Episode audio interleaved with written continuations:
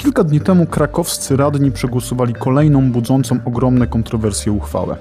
Na klinach, na których podczas kampanii wyborczej lokalni politycy obiecywali 55 hektarów użytków ekologicznych, Zamiast tego przegłosowano zmniejszenie powierzchni terenów do 6 hektarów. Będzie można tam budować znacznie więcej mieszkaniówki, co niejako spełnia oczekiwania krakowskich deweloperów. E, w Krakowie sytuacja ta już nie dziwi. E, w swoim ostatnim tekście pod tytułem Gotowana żaba ala Jacek Majchrowski stawiam tezę, że wieloletnie skandale przyzwyczaiły mieszkańców do tego stanu rzeczy. Kolejna decyzja przychylna deweloperom, a nie mieszkańcom stanowi zwykły element krakowskiego krajobrazu, a nie jego wypaczenie. Ja nazywam się Karol Wałachowski i w dzisiejszym Międzymiastowo porozmawiam z Darią Gosek-Popiołek, posłanką partii Razem i krakowianką na temat Krakowa, krakowskich afer, lewicowego Jacka Majchrowskiego oraz przyszłości lewicy w naszych miastach. Międzymiastowo. Podcast miejski Kluby Jagiellońskiego.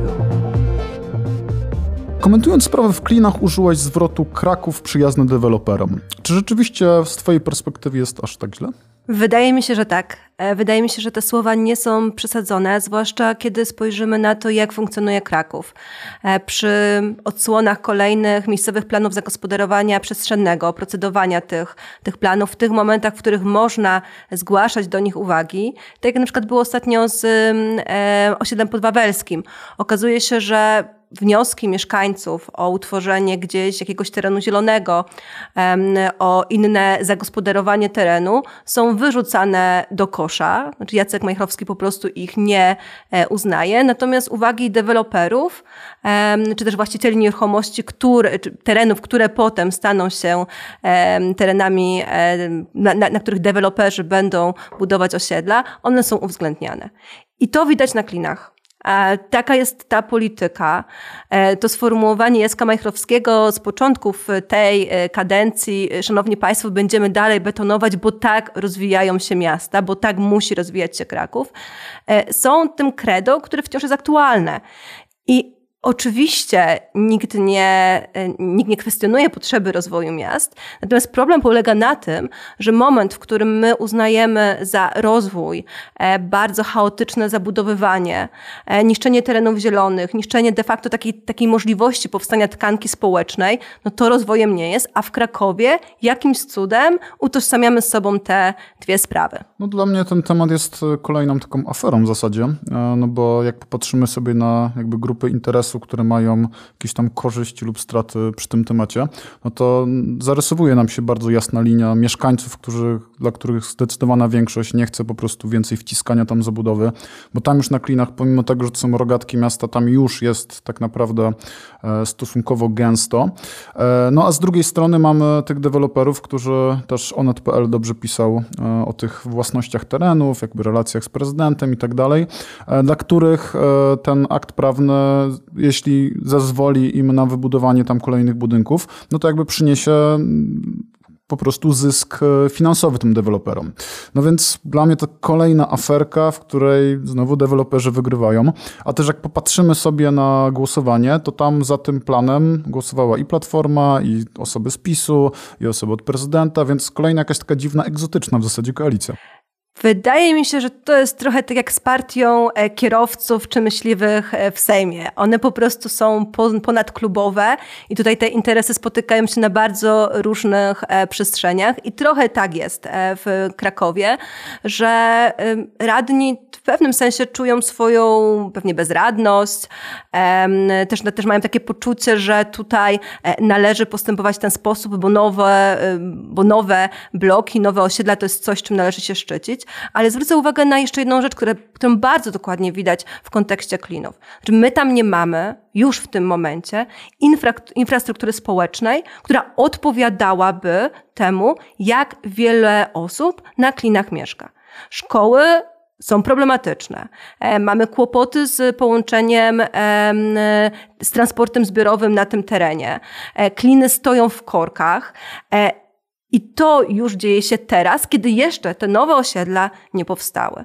I to jest też w ogóle problem Krakowa. Takie, taka chaotyczna rozbudowa sprawia, że te koszty społeczne, koszty związane z infrastrukturą, one spadają na nas wszystkich. E, konsekwencje e, tych strat ponosimy wszyscy, a miasto jakby nie dostrzega, jak wiele kosztuje nas tego typu działania i zaniechania, bo bardzo często, bardzo często mamy tu do czynienia z zaniechaniami. Pytania, na ile świadomymi, na ile, na ile spowodowanymi taką inercją instytucji, inercją Urzędu Miasta. No tak, no bo Kliny to jest stosunkowo nowa dzielnica, nowa część, nowy obszar miasta, nie dzielnica. E, no i tutaj powiedzmy ta ekipa polityczna miała bardzo duży wpływ na to, jak ta część została zabudowana. No bo też jest taka miejska legenda w Krakowie, że w sumie to jest taka betonoza, bo już tak było wcześniej, średniowieczne miasto, tak już jest zbudowane, trudno, musimy z tym żyć. No ale jednak jak mamy do czynienia z nowym obszarem, e, możemy go w jakikolwiek sposób zaplanować, no to dalej robimy to samo, nie? Czyli tak w praktyce, no to prywatyzujemy zyski, bo deweloperzy sobie e, budują ile chcą, sprzedają e, i zarabiają pieniądze i uspołeczniamy koszty, bo wszyscy stoimy w korkach, nie? I to nie jest problem tego, że mamy za mało dróg, tylko problem tego, że po prostu każdy z nas musi jakieś kosmiczne ilości kilometrów pokonywać do szkoły, przedszkola, lekarza, pracy itd., tak itd. Tak w zasadzie, no to mam do ciebie takie pytanie, bo e, obserwując swoją działalność polityczną, no to zanotowałem, że w swojej karierze przewodziłaś wielu marszom, protestom. E, potrafisz wyciągać ludzi na ulicach w wielu tematach.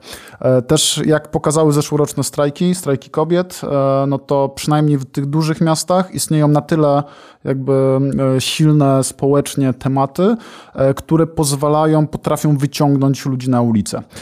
No ale patrząc na te afery, które się dzieją w Krakowie, no to żadna z tych afer nie wyciągnęła żadnych ludzi na ulicę. No i jak myślisz w zasadzie, z czego to wynika? Czy ta moja teza o tej ugotowanej żabie może być prawdziwa, a może po prostu te skandale są zbyt mało takie jaskrawe, może są po prostu mało ważne ja tutaj się czepiam? Zgadzam się z tą tezą o tym, że że te afery nie robią już wrażenia, e, ponieważ się z nimi zżyliśmy. Znaczy, uważamy je za pewnego rodzaju koszt pewnej nie wiem, stabilizacji, przewidywalności. E, I to jest duży problem. E, poza tym pamiętaj też, że my właściwie dopiero od niedawna w debacie publicznej zaczynamy mówić o tym, jak wygląda, nie wiem, miasto szczęśliwe, tak? jak wygląda miasto dobrze zbudowane, jak wygląda do, miasto dobrze zaprojektowane. Nie mamy też w Polsce tak naprawdę przykładów miast, e, w których te procesy urbanizacyjne, planowanie przestrzenne byłoby czymś dobrym. I tu oczywiście wracamy do tego fatalnej decyzji, niestety popełnionej przez lewicę, związanej z miejscowymi planami zagospodarowania przestrzennego. E, I niestety to jest taka krótkowzroczność, która wtedy została, znaczy, której skutki ponosimy, ponosimy teraz. E, w Krakowie jest też, też coś takiego, co mnie uderza, być może także dlatego, że nie urodziłam się w Krakowie, tylko Kraków wybrałam jako swoje miejsce do studiowania, a potem do życia. To jest pewna mm, wiara w instytucjonalność. To znaczy, jeżeli coś jest instytucją, ktoś jest długo, ktoś jakoś już rządzi, to znaczy, że posiada pewne kompetencje, których nikt inny na pewno już nie ma. I to też sprawia, że trochę nie, dos, nie, nie, nie szuka się alternatyw, bo właściwie to ich być może nie ma. I trzecia rzecz.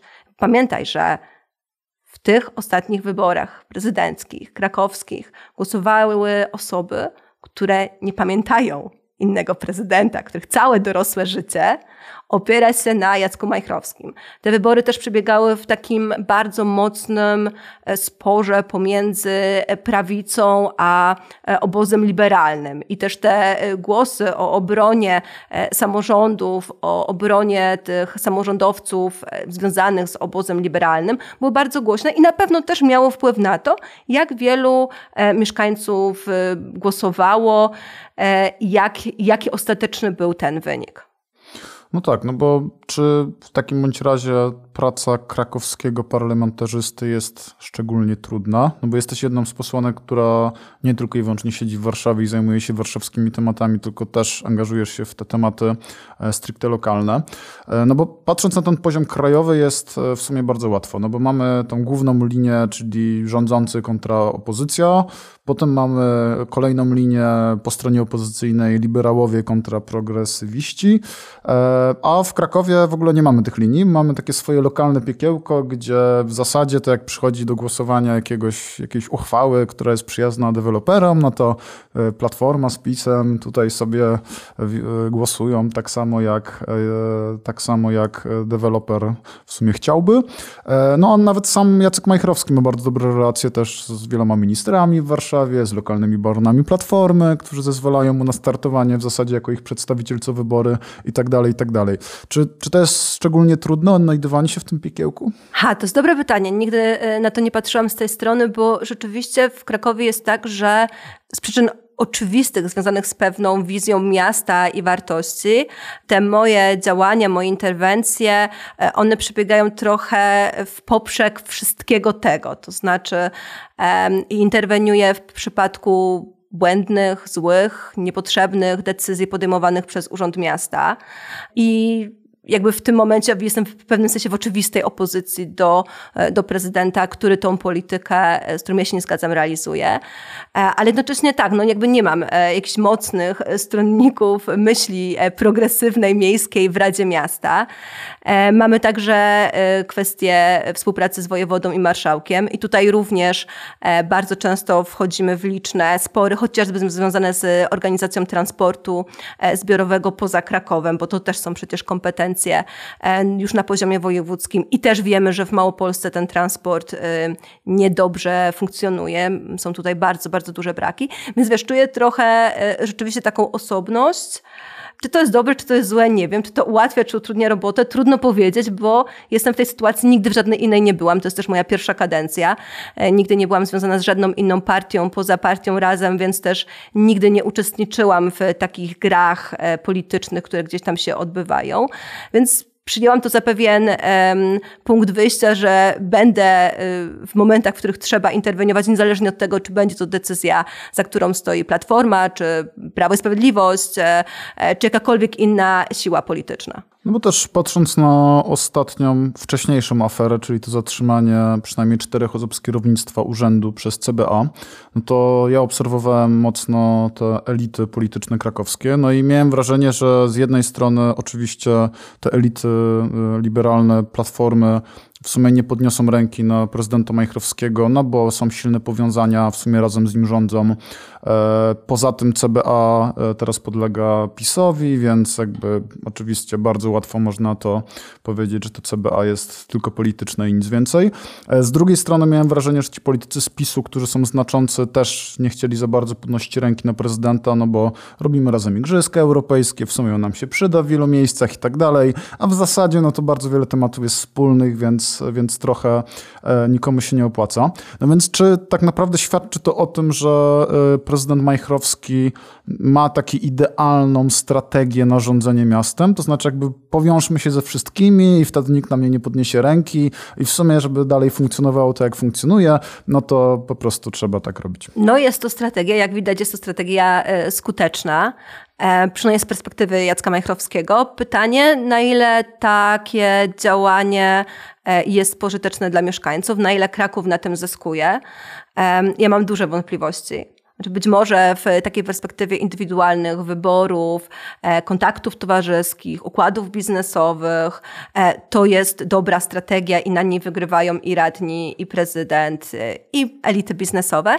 Natomiast no, mieszkańcy oczywiście nie, ponieważ to oni płacą ostatecznie tą cenę związaną z e, nieprawidłowościami dotyczącymi zagospodarowania przestrzennego, e, dotyczącymi wuzetek, dotyczącymi mm, błędów, błędów transportowych e, i tych wszystkich decyzji, które w pewien sposób obniżają poziom życia w Krakowie, który powinien się jednak poprawiać. No dobra, no to skoro elity są powiązane, więc jakby nie mają żadnych bodźców, żeby jakoś tam podnosić te tematy, to co według ciebie musiałoby się stać, żeby naprawdę mieszkańcy się wkurzyli na prezydenta Majchrowskiego, żeby naprawdę, nie wiem, ktoś wyszedł na tą ulicę, e, pewien sposób wpłynął na to, że te tematy, właśnie te wszystkie afery były w jakiś sposób bardziej rozdrapywane niż jest to teraz. Wiesz co, no tak już raz było. E, ja przypomnę inicjatywę Kraków przeciw Igrzyskom i to była pewnie największa i najbardziej spektakularna porażka Jacka Majchrowskiego.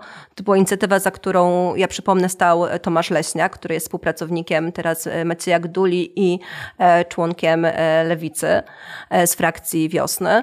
Więc takich pomyłek było i były przecież takie sytuacje. Pamiętajmy, że to było referendum bardzo udane w sensie zarówno liczby osób biorących udział, jak i tego ostatecznego wyniku. Ale pamiętajmy też, że była próba referendum odwoławczego Jacka Majchrowskiego, którą podjął Łukasz Gibała i ona okazała się być e, klęską. Znaczy nie doszło, nie, nie, nie, doszło do skutku. Więc nie wiem, co musiałoby się wydarzyć. Być może dalsze, jeżeli będą oczywiście, bo jakby tego nie wiem i tego nie wie nikt poza e, CBA i prokuraturą, być może dalsze aresztowania, być może jakieś bardziej widoczne powiązania e, biznesowe, może korupcyjne. E, natomiast no, z drugiej strony też oczywistym jest, że, że fakt tego, że to właśnie współpracowniczka Jacka Majchrowskiego przez wiele lat, jego prawa ręka, została, w ten, została aresztowana i zostały jej postawione bardzo, bardzo poważne zarzuty, no to pokazuje, że mamy problem z pewną transparentnością, z przestrzeganiem prawa na tych najwyższych e, poziomach, ale w jakimś sensie mieszkańcy do tego przywykli. Znaczy, to, jest trochę, to jest trochę coś, o czym ja rozmawiam wielokrotnie. Znaczy, my wiemy, że w Krakowie już tak jest i że to raczej się nie zmieni, chyba że nastąpi zmiana prezydenta, ale nie ma też tego momentu, w którym rzeczywiście mielibyśmy powód, taki naprawdę mocny. Być może dalsze działania e, taki powód e, przyniosą. E, no to spójrzmy teraz trochę z lotu ptaka. No bo jak te krakowskie afery wyglądają z perspektywy właśnie Warszawy, z perspektywy parlamentarzysty? No bo z jednej strony zwolennicy decentralizacji państw, decentralizacji państwa często mówią o tym, że na poziomie samorządów e, może być zwiększona społeczna kontrola, e, zwiększona też polityczna kontrola, więc zdecydowanie lepiej, kiedy więcej władzy jest bliżej obywateli, zdecydowanie e, bliżej, właśnie więcej pieniędzy jest bliżej obywateli, bo wtedy ta kontrola jest większa. Ale jak jednak obserwuję ten Kraków, to mam wrażenie, że ta kontrola jest zdecydowanie łatwiejsza na szczeblu centralnym, gdzie jest masa dziennikarzy, zawodowych think tanków, polityków i tak dalej, które patrzą władzy na ręce. E, no bo na przykład z perspektywy opinii publicznej ogromnym skandalem było to, jak jedna z polityk, notabene krakowskich, e, wyjechała w trakcie lockdownu na narty, co było, oczywiście było e, tak niemądre, pewnie to był, to, to był dobry materiał na aferę, chociaż wydaje mi się, że znacznie jakby większą wagę miało jednak aresztowanie przez CBA czterech ważnych osób z kierownictwa urzędu, co przeszło totalnie bez echa. No więc jakby jak to wygląda z tej, z tej perspektywy centralnej, szerszej? To będzie odpowiedź, która chyba nie spodoba się nikomu, ale być może zaryzykuję z racji mojej opozycyjności. Po pierwsze, uważam, że dużym problemem w samorządach jest fakt, e, że dopiero od tego momentu mamy dwukadencyjność. W momencie, w którym radni, prezydent mogą przez 4, 5, czasami nawet więcej kadencji niepodzielnie rządzić, sprawia, że te wszystkie istniejące układy władzy, ale też modele funkcjonowania urzędu, bo pamiętajmy, że to jest także pewien model działania. One się ugruntowują i stają się w pewnym sensie przeźroczyste. Widzimy, że one są jakie są, one są takie od zawsze, nie znamy alternatywy. E, więc jakby to jest ten pierwszy problem. E, więc ja głęboko wierzę w to, że na poziomie samorządowym, tak samo jak na poziomie centralnym, powinna e, funkcjonować dwukadencyjność, która by oznaczała, że e, politycy nie mogą się zabetonować, że mamy do czynienia z pewną wymianą elit. Oczywiście zdaję sobie z tego sprawę, że dwukadencyjność czy trzykadencyjność ma również inne problemy związane z powiedzmy biografiami polityków, którzy w pewnym momencie z tej polityki muszą odejść i muszą znaleźć się i odnaleźć się na rynku pracy. Ale jakby to jest zupełnie inny rodzaj też, też wtedy, wtedy rozmowy. Więc to jest ta pierwsza rzecz. Po drugie, wydaje mi się, że dużym e, problemem jest także to, że nie mamy, że jakby ta kontrola obywatelska na poziomie samorządów, ona w pewnym sensie e, została przez ten mocny spór polityczny, centralny, ona została stłamszona. Że mamy taką opowieść od bardzo, bardzo wielu lat, że mamy te właśnie dobre samorządy które należy chronić, e, które znają potrzeby mieszkańców. E, I to jest trochę taka szabla, którą się wymachuje. Znaczy, jeżeli na przykład w Sejmie jest jakaś ustawa, to pierwsze, co robimy, co robią politycy, zwłaszcza liberalni, to mówią, samorządy na to się nie zgadzają. To jest zamach na samorządy. To jest, i oczywiście w bardzo wielu wypadkach tak jest, że to jest próba centralizacji władzy, odebrania jakichś kompetencji, ale problem polega na tym, że mamy taką bezkrytyczną opowieść, która nie jest do końca prawdą, a ona jest powtarzana. I to jest problem. W momencie, w którym my e, stworzymy sobie trochę takiego złotego dzielca pod tytułem jakiś idealny samorząd, to bardzo trudno jest rzetelnie rozmawiać o tym, jaki jest ten samorząd, czy on rzeczywiście jest dobry, czy tworzą go ludzie kompetentni, czy te urzędy działają dobrze. Więc ja bardzo bym chciała, żeby i politycy, i media zaczęli rzetelnie rozmawiać o tym, w jakich miastach żyjemy, jak nasze gminy są zarządzane. Zaczęli zadawać pytania, czy te modele przyjęte przez samorządowców są właściwe. No to trochę na przykład jak ta książka Zapaść E, bardzo znana, czytana przez bardzo wielu polityków i prawicy, i lewicy. Ona tam jasno pokazuje, że samorządy nie są ziemią obiecaną, że nieprawidłowości też mają tam miejsce. I ja bym chciała, żeby ten rodzaj dyskusji przeniósł się do mediów, e, czy to centralnych, czy to lokalnych, żeby też politycy zaczęli e, nie budować, wiesz, jakiejś narracji, tylko opisywać rzeczywistość i ją po prostu kwestionować. E, tak, porozmawialiśmy e, ponad 20 minut o aferach, więc może e, przejdźmy do jakichś bardziej przyjemnych tematów, może dotyczących przyszłości.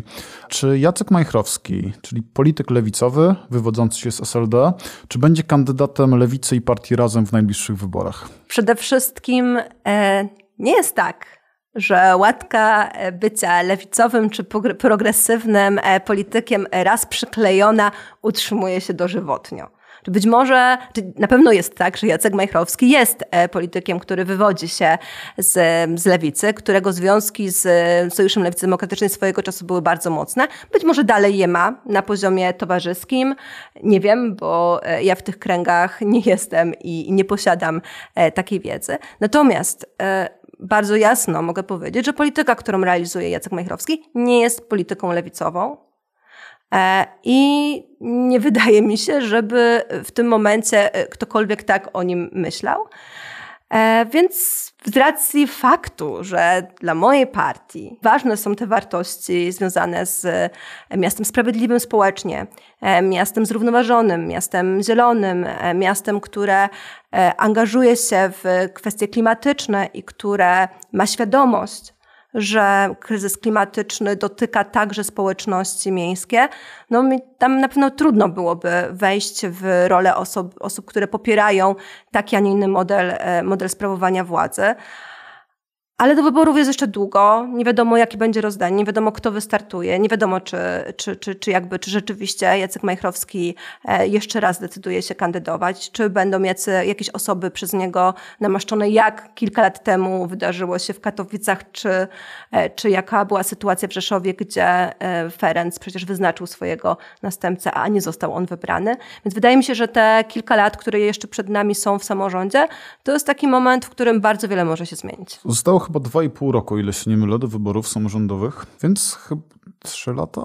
Chodzą plotki, e, że tutaj e, mogą być pewne zmiany związane z kalendarzem wyborczym, ale znowu to są pewne jakieś plotki, historie i tutaj no, możemy podejrzewać, że będzie między 2,5, 3 i zobaczymy. Okej, okay, no to mamy 2,5, 3 lata mniej więcej do wyborów, no to moim zdaniem, skoro otwiera się pewne wyborcze okienko, no bo już wiele wskazuje na to, że jednak prezydent Majchrowski nie będzie startować. E, zobaczymy.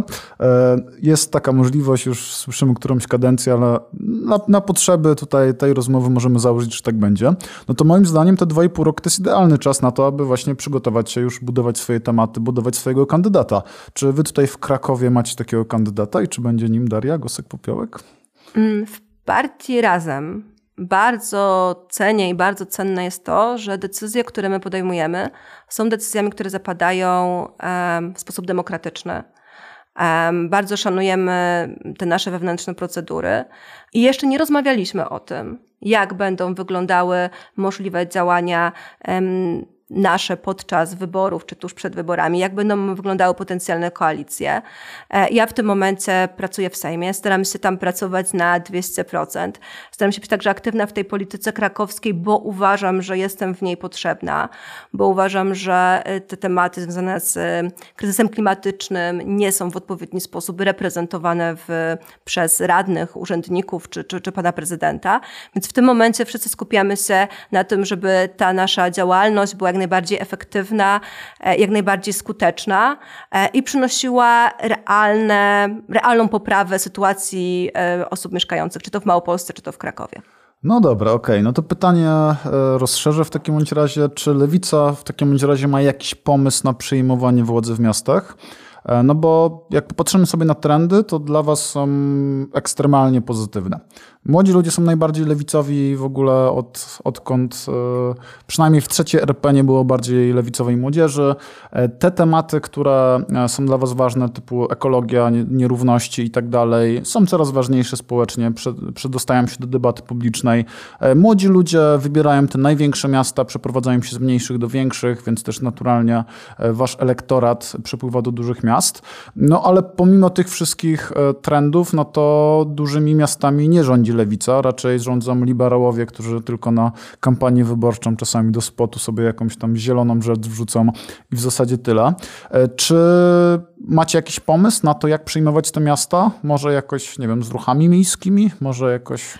Na pewno jest tak, że co najmniej jeden trend z tych, które wymieniłeś, jest bardzo negatywny i wcale nie postrzegamy go jako szansę, czyli ten moment, w którym młodzi ludzie przenoszą się do większych miast, to raczej to jest problem współczesnej Polski, który właściwie obserwujemy od lat 90. I jest to wielka porażka wszystkich de facto wszystkich grup rządzących Polską, że doprowadziły do tego, że w miastach powiatowych, w miastach mniejszych po prostu nie ma perspektyw. Więc tylko tak zaznaczę, że to nie jest trend, e, który w jakikolwiek sposób e, Lewicę czy Partię Razem e, cieszy. Wiesz, my jesteśmy teraz na takim etapie też pracy w miastach, w gminach, który polega na rzeczywiście nawiązywaniu e, kontaktów, na budowaniu też jakiejś bazy ekspertów. Bardzo mocno pracujemy merytorycznie nad, nad, naszymi odpowiedziami na takie podstawowe pytania związane z tym, jak będą funkcjonować miasta w czasie e, kryzysu klimatycznego, jak dokonać takiej przyjaznej transformacji miast, bo to przecież nie jest tylko i wyłącznie kwestia, wiesz, budowy kilku więcej parków, czy zerwania e, kostki brukowej z ulic, tylko to są bardzo duże zmiany, jeżeli chodzi o energetykę, jeżeli chodzi o OZE, jeżeli chodzi o transport. I tutaj bez wątpienia będzie tak, że te zmiany, które będą musiały nastąpić na przykład w Krakowie, one będą bardzo poważne. I to nie będzie wygodne działanie, bo bardzo trudno jest zmieniać nawyki ludzi, a będziemy musieli e, to w według mnie w krótszej perspektywie niż nawet się spodziewamy e, zrobić. E, jesteśmy na etapie też e, patrzenia na to, jak takie zmiany zachodzą w miastach Europy Zachodniej, jak zmienia się na przykład Barcelona jakie działania podejmują miasta związane z Airbnb i gentryfikacją. I opracowujemy jakieś nasze strategie i będziemy będziemy starać się je prezentować, będziemy starać się o tym, o tym rozmawiać. Ważne jest także to, że mm, do partii Razem e, zapisuje się rzeczywiście coraz więcej bardzo młodych ludzi, bardzo odważnych młodych ludzi, bardzo bezkompromisowych młodych ludzi. Mm, I to jest coś, e, co pokazuje, że takie przyzwolenie na inercję w tym najmłodszym pokoleniu zazwyczaj już się zaczyna kończyć. Znaczy, wiem, że zawsze było tak, że mówiliśmy tak, młodzi są najbardziej progresywni, ale młodzi też najrzadziej głosują. Wobec tego skupmy się na starszym elektoracie, który może i jest, nie wiem, bardziej liberalny, być może bardziej prawicowy, ale przynajmniej chodzi do tych urn. To nadzieja Janusza Korwina-Mikke od 30 lat mniej więcej, bo zawsze jest nadzieja, że w końcu ci wyborcy dorosną im, aż w końcu zagłosują. E, tak, no więc jakby, wiesz, więc jakby tutaj jesteśmy trochę na, na tym etapie, że to są te osoby, które wchodzą w tą politykę. My wobec tego na przykład w krakowskim e, okręgu partii Razem dokonujemy bardzo dużej takiej pracy merytorycznej, e, wprowadzając też e, i słuchając tych propozycji młodych ludzi. Budujemy porozumienia z politykami progresywnymi z Europy Zachodniej.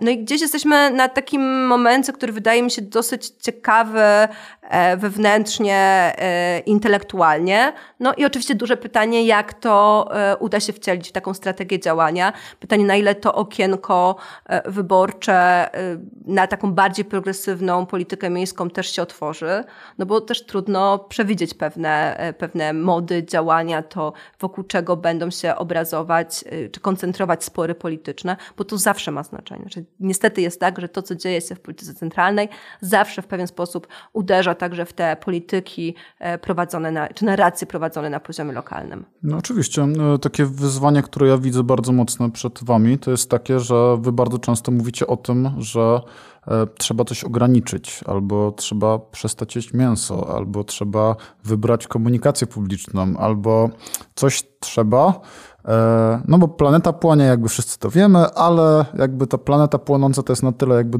daleki horyzont, że w sumie chyba tak bezpośrednio tego nie czujemy, a wy jesteście partią, która chce nam za, zabraniać. Więc jakby z, chyba z perspektywy takiego liberała typowego miejskiego, który no, startując na prezydenta mówi tak, sprowadzimy miejsca pracy, tak, wybudujemy wam drogi, e, tak, zmniejszymy wam podatek od nieruchomości, no to chyba zdecydowanie trudniej jest wam budować ten program.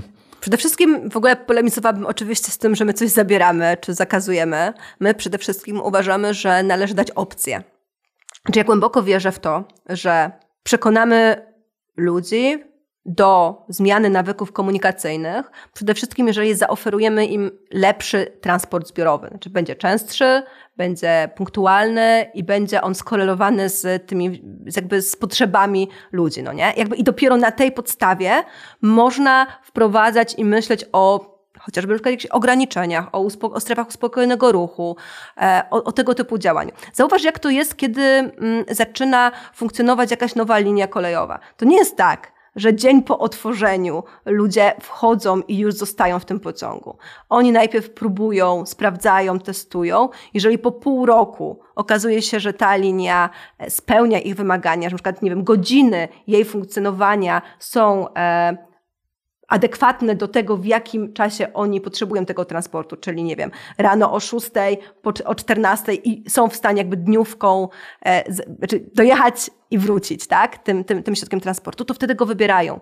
I jakby to jest to. Doskonale to widać na przykładzie opieki żłobkowej. Nie wiem, czy zauważyłeś, jak wyglądają statystyki, gdzie powstaje najwięcej żłobków? W tych gminach, w których żłobki już funkcjonują bo ludzie widzą, że one działają, rozmawiają ze swoimi sąsiadami, dostrzegają, że opieka żłobkowa e, spełnia swoje zadania, że wcale nic nie zabiera rodzicom, w tym sensie, że nie jest czymś, co zubożałoby tą rodzinę i pojawia się potrzeba. A są gminy, w których nie ma żadnego żłobka i to są te gminy, w których najtrudniej takie jest otworzyć, bo nie ma uświadomionej potrzeby społecznej. Więc to jest trochę taki model, który ja głęboko wierzę, że może zostać zakwalifikowany e, i realizowany w Krakowie.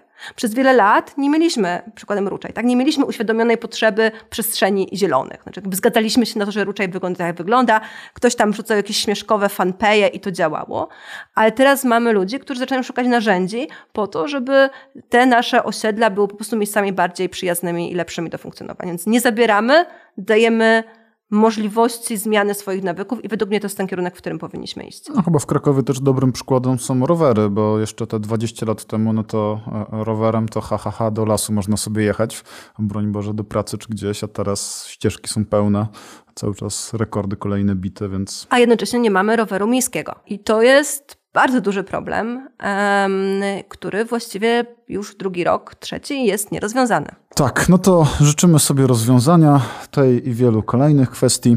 E, dziękuję bardzo za rozmowę. Zachęcam do subskrybowania nas na wszystkich swoich ulubionych platformach podcastowych. Jesteśmy też dostępni na Twitterze.